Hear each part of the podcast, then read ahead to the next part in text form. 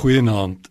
Volgens my beskouing van God is sy liefde en genade groter as sy oordeele straf. Baie mense teken vir hulle net 'n God van oordeel en straf. Dit maak dat hulle so in vrees vir God leef dat hulle sukkel om die vreugde en vryheid van God se liefde en genade te aanvaar. Hulle raak bang vir God.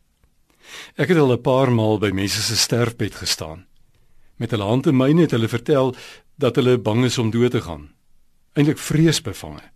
En die rede, hulle het iewers in hulle lewe een of ander groot sonde gedoen en nou is hulle op grond daarvan bang vir God.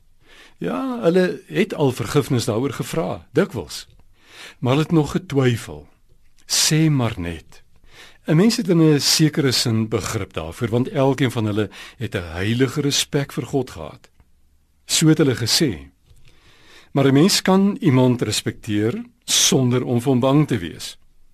En God se vergifnis is grensloos, so ver as die ooste van die weste af is, so ver verwyder hy ons oortredinge van ons af, verseker Psalm 103 vers 12 ons. Waar kom bang wees vir God vandaan?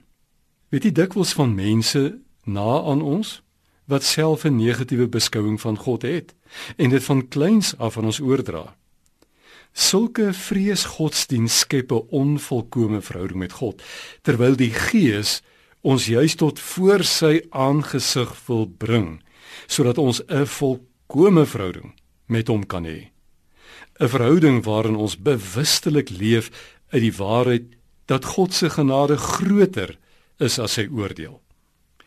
Iemand het hierdie verskil tussen genade en straf eendag so raak uitgedruk. Hy het gesê: "Ons moenie mense uit die hel preek nie, maar liewer die hemel in." Net die Heilige Gees kan 'n mens help om die oorvloedige genade van God te ken en te besef en te aanvaar.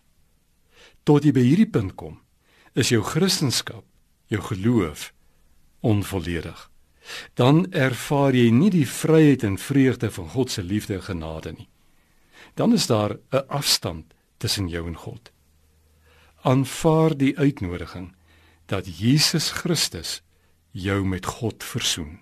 Amen.